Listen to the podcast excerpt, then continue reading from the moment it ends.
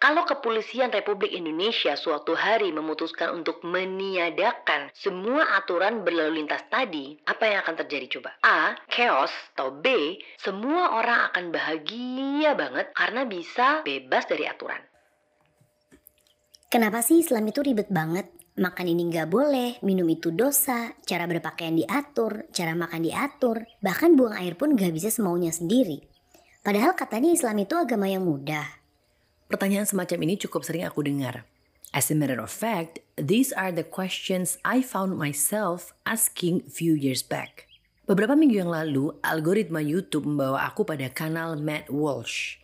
I have no idea who he is, but in the particular video, he was talking about two women that went viral, especially in the gym community. Jadi ceritanya dua cewek ini lagi nge-gym kan? Mereka nge-gym di tempat dan waktu yang berbeda ya, tapi kasusnya sama. Terus biasalah sekalian live pakai handphone yang ditaruh di depannya gitu. Nah, mereka sama-sama merasa bahwa laki-laki yang ada di belakang mereka itu semacam kayak checking them out in a creepy way. And they felt sexually assaulted. Padahal menurut penilaian hampir semua viewers, mereka berdua ini cuma kegeeran aja. Tapi emang si dua cowok tertuduh itu biasa aja, nggak creepy yang gimana gitu menurutku. Nah, Matt Walsh ngebahas tentang kelakuan perempuan-perempuan macam ini yang ternyata meresahkan para lelaki yang pengen nge-gym. Dan viewers dia yang cowok juga pada cerita kalau mereka pernah kena tuduhan yang sama juga. Yang bikin menarik adalah di akhir video tersebut, Matt Walsh bilang kalau satu-satunya solusi yang paling masuk akal supaya hal serupa tidak terulang dan para lelaki bisa konsen nge-gym adalah apa coba? Separate gym. Yes, you heard it right. Karena menurut dia semakin ke sini perempuan semakin nggak bisa ketebak jalan pikirnya. Jadi akan lebih mudah untuk semuanya kalau gym itu khusus perempuan dan khusus laki-laki. And to my surprise, most of his viewers are agreeing to this idea. Sounds familiar, no? They come up with a solution that Islam has provided 100 years ago. Salah satu syariat Islam yang menurut kebanyakan orang ribet adalah dilarangnya ikhtilat, yaitu bercampur baur laki-laki dan perempuan yang bukan mahram tanpa ada uzur syar'i. Maksudnya, ada beberapa situasi di mana hal tersebut dibolehkan karena memang tidak dapat dihindari. Tapi pernikahan dan gym bukan termasuk salah satu situasi dibolehkannya ikhtilat. Tapi mereka berpikir, Allah, semua tergantung niat dan iman. Kalau niatnya lurus, ya nggak masalah campur baur. Kalau imannya tebel, ya nggak ngefek ada cewek-cewek seksi di depan mata. Eh, ternyata orang Amerika yang katanya paling open-minded, laki-lakinya malah ngerasa nggak aman dari fitnahan perempuan-perempuan semacam itu dan pengen ada gym khusus laki-laki. Dulu kalau ada orang yang tanya sama aku pertanyaan di awal tadi, jujur aku nggak bisa jawab. Karena aku ngerasa, ya emang agak ribet sih, Islam banyak aturannya. Tapi setelah alhamdulillah pelan-pelan Allah mudahkan aku untuk bisa belajar, aku nemu analogi yang cukup sederhana tapi mudah dimengerti insya Allah. Jadi gini, kita semua pasti pernah menggunakan jalan raya kan? Baik sebagai pengendara motor, mobil, maupun pejalan kaki. Begitu kita setuju untuk menggunakan jalan raya, maka kita otomatis terikat dengan aturan berlalu lintas. Nah aturan ini banyak apa sedikit coba? Berapa banyak rambu yang harus kita pahami artinya? Pengendara sepeda motor, mobil, dan pejalan kaki punya aturan yang berbeda-beda. Bahkan kalau mau ambil SIM yang pakai jalur normal alias bukan nembak, ada loh ujian tertulis tentang aturan berlalu lintas. Buku teorinya aja cukup tebal. Itu pun kadang kita masih kena tilang karena melanggar sesuatu yang kita bahkan nggak tahu kalau itu ilegal. Belum lagi rambu yang paling bikin aku keder. Ada gambar mobil dicoret, ditambah tulisan di bawahnya 0600 sampai dengan 1045 kecuali hari Sabtu Minggu, hari libur nasional. Otakku langsung ngelek. Ini sebenarnya aku boleh masuk gang sini atau enggak sih? Pertanyaannya adalah, kalau kepolisian Republik Indonesia suatu hari memutuskan untuk meniadakan semua aturan berlalu lintas tadi, free for all, semua orang bebas pakai jalan sesukanya, apa yang akan terjadi coba? A. Chaos atau terjadi kekacauan bahkan memakan korban jiwa atau B. Semua orang akan bahagia banget karena bisa pakai jalan raya dengan santai, bebas dari aturan. I think nobody in their right mind would choose B. Karena ya logika aja lah ya, udah segitu banyaknya aturan aja masih ada kecelakaan lalu lintas. Apalagi kalau nggak ada aturan sama sekali. Aku juga mau share pengalamanku sendiri. Sebagai perempuan, pasti yang paling berat untuk dilakukan at some point of our life adalah berpakaian sesuai dengan syariat Islam. Di sini aku nggak akan jelasin dengan detail ya, karena bakal panjang dan udah banyak banget kajian tentang hal ini dari guru-guru kami yang ada di YouTube. Aku sempat ada di fase yang aku sebut sebagai zaman hijab style.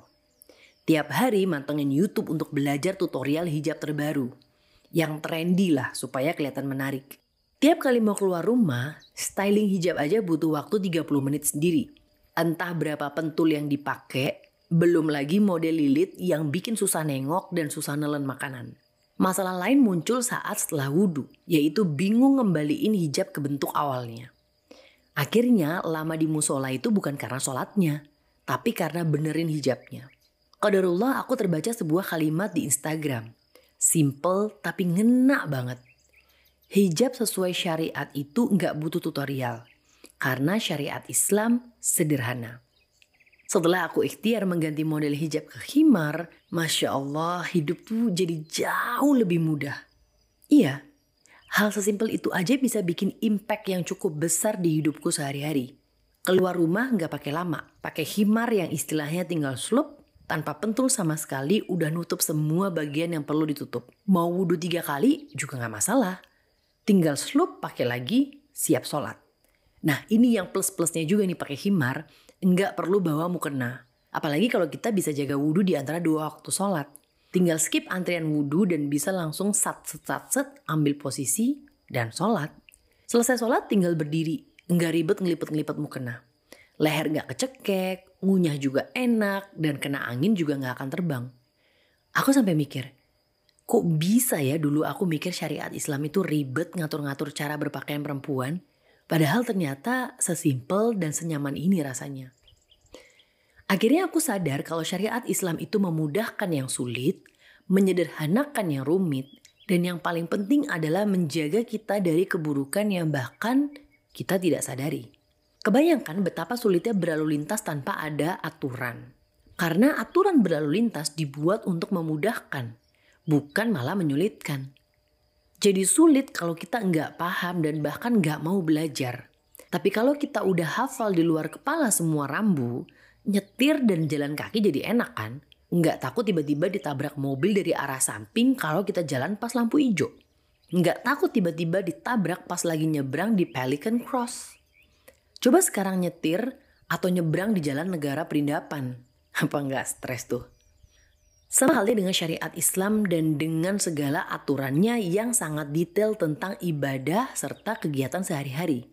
Tujuannya adalah supaya kita nggak perlu susah-susah menebak-nebak atau bahkan bereksperimen gimana caranya beribadah, gimana caranya bermuamalah.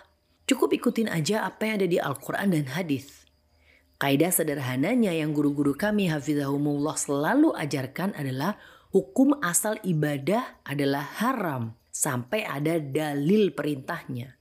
Dan hukum asal perkara dunia adalah halal sampai ada dalil larangannya. Gak perlu mikir susah-susah ibadah tuh harus gimana sih supaya bisa berpahala. Semuanya udah ada di Al-Quran dan hadis. Dan perlu diingat ya, ibadah dalam Islam itu mudah dan murah.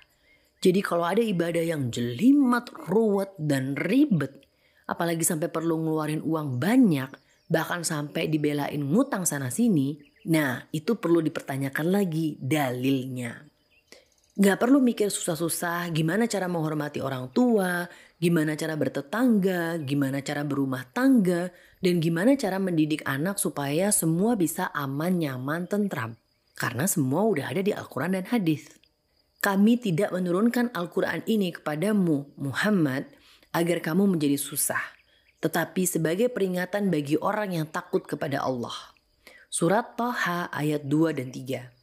Aku akan bacakan tafsir ringkas dari dua ayat ini versi Kementerian Agama Republik Indonesia ya. Wahai Nabi Muhammad, kami, yakni Allah melalui Jibril, tidak menurunkan Al-Quran ini kepadamu agar engkau menjadi susah akibat ditolak dan dimusuhi kaummu, atau dituntut untuk melaksanakan kewajiban di luar batas kemampuanmu.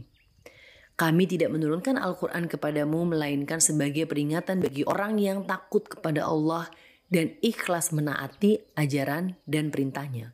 Aku juga baru sadar kalau semua keruwetan yang ada dalam hidup kita ini sumbernya tuh cuma satu, yaitu kesotoyan kita dalam mengambil keputusan dan mencari solusi yang bukan bersumber dari Al-Quran dan hadis. Kalau kata Bapak, gaya karpe dewe. Coba deh, di sepertiga malam ini kita muhasabah diri dan lihat ke belakang. Coba belajar mengurai keruwetan hidup kita sendiri. Dimulai dari diri sendiri.